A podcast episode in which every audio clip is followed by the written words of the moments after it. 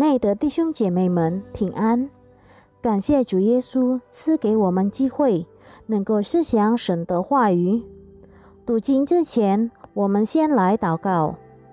我们在天上的父，满心感谢你，这时刻你再次给我们机会来思想你的话，恳求圣灵充满每个人，即带领我们的心，能够真正明白你的话。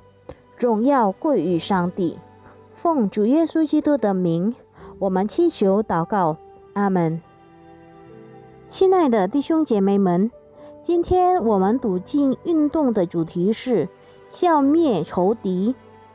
阅读经文来自《列王纪上》第二章第十三到四十六节。首先，请大家自己读这部分的经文。我带大家读第二十四到三十一节。经文如此：耶和华建立我，使我坐在父亲大卫的位上，照着所应许的话，为我建立家室。现在我指着永生的耶和华起誓：亚多尼亚近日必被致死。于是所罗门王。差遣耶和耶大的儿子比拿亚将亚多尼亚杀死。王对祭司亚比亚他说：“你回亚拿图归自己的田地去吧。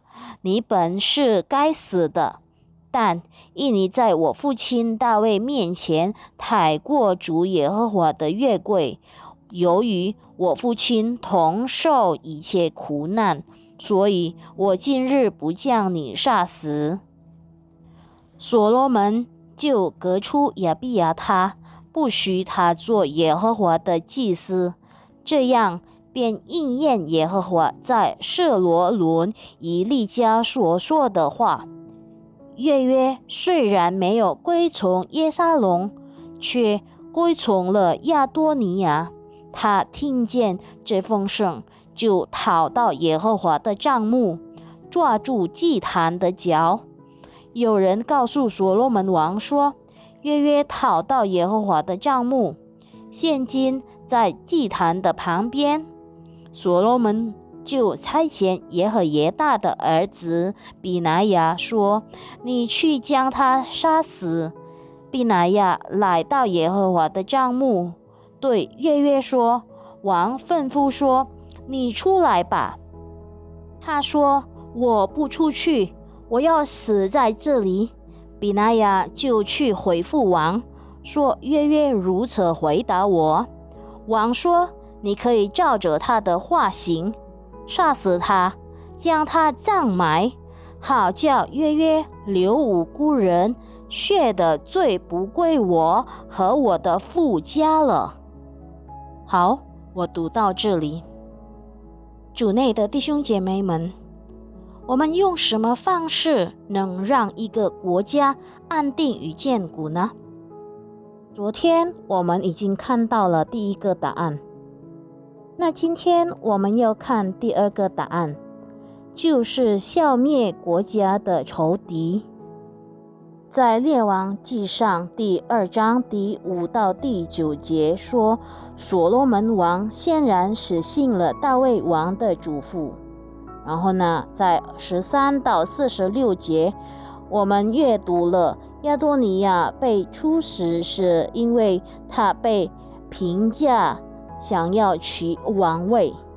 然后呢，亚比亚他被革除职务，月牙被处死，因为他站在亚多尼亚的这一边，而且。他曾经杀了无辜的人，然后是没处死，是因为他诅咒了大卫王。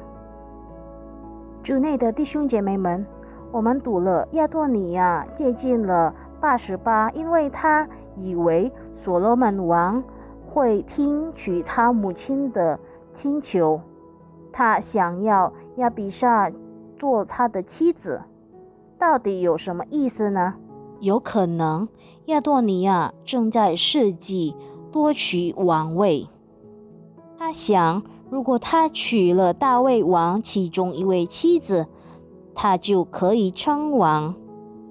弟兄姐妹们，亚撒龙他是亚多尼亚的兄长，也曾经在他叛变时与大卫王的妃嫔同房过。这样做，亚撒龙称王位是属于他的。他这样的做法也曾经发生过在古波斯，还有阿拉伯的王朝。那时候，新登基的王将娶前任郡王的妃嫔。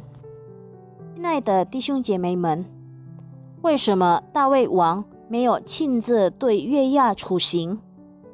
那为什么是撒罗门王被要求对月牙处刑呢？答案就是因为月牙曾经对大卫王有功。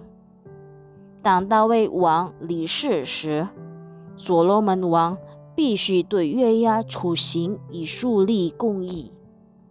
当月牙将被处死时，他逃到上帝的帐幕，抓住祭坛的脚。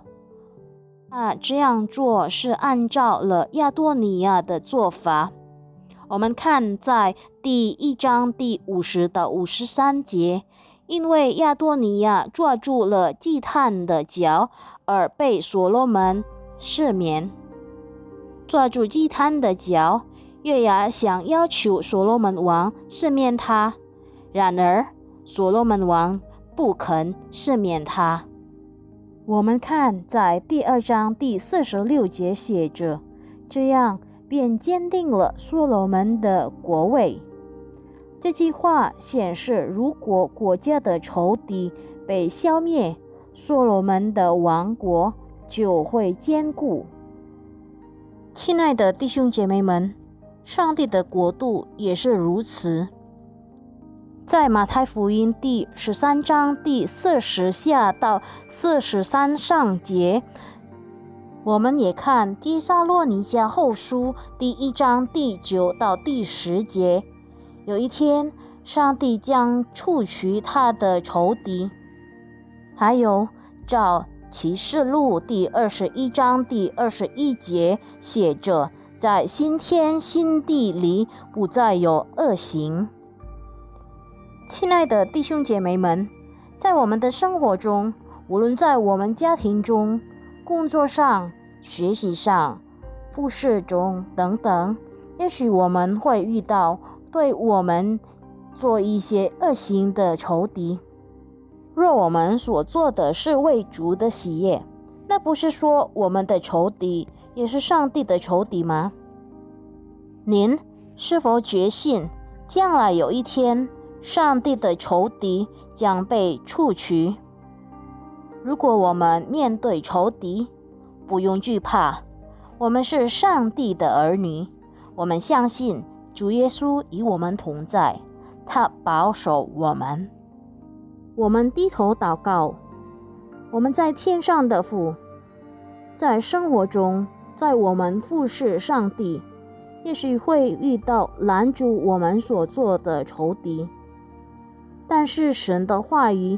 今天教导我们，应该有忍耐的心面对我们的仇敌，因为有一天上帝会为我们除去所有的仇敌。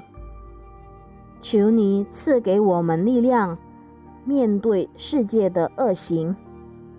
奉主耶稣基督的名，我们祈求祷告，阿门。主内的弟兄姐妹们。我们勇敢地面对世界的恶行，因为我们相信上帝与我们同在。上帝祝福我们，再见。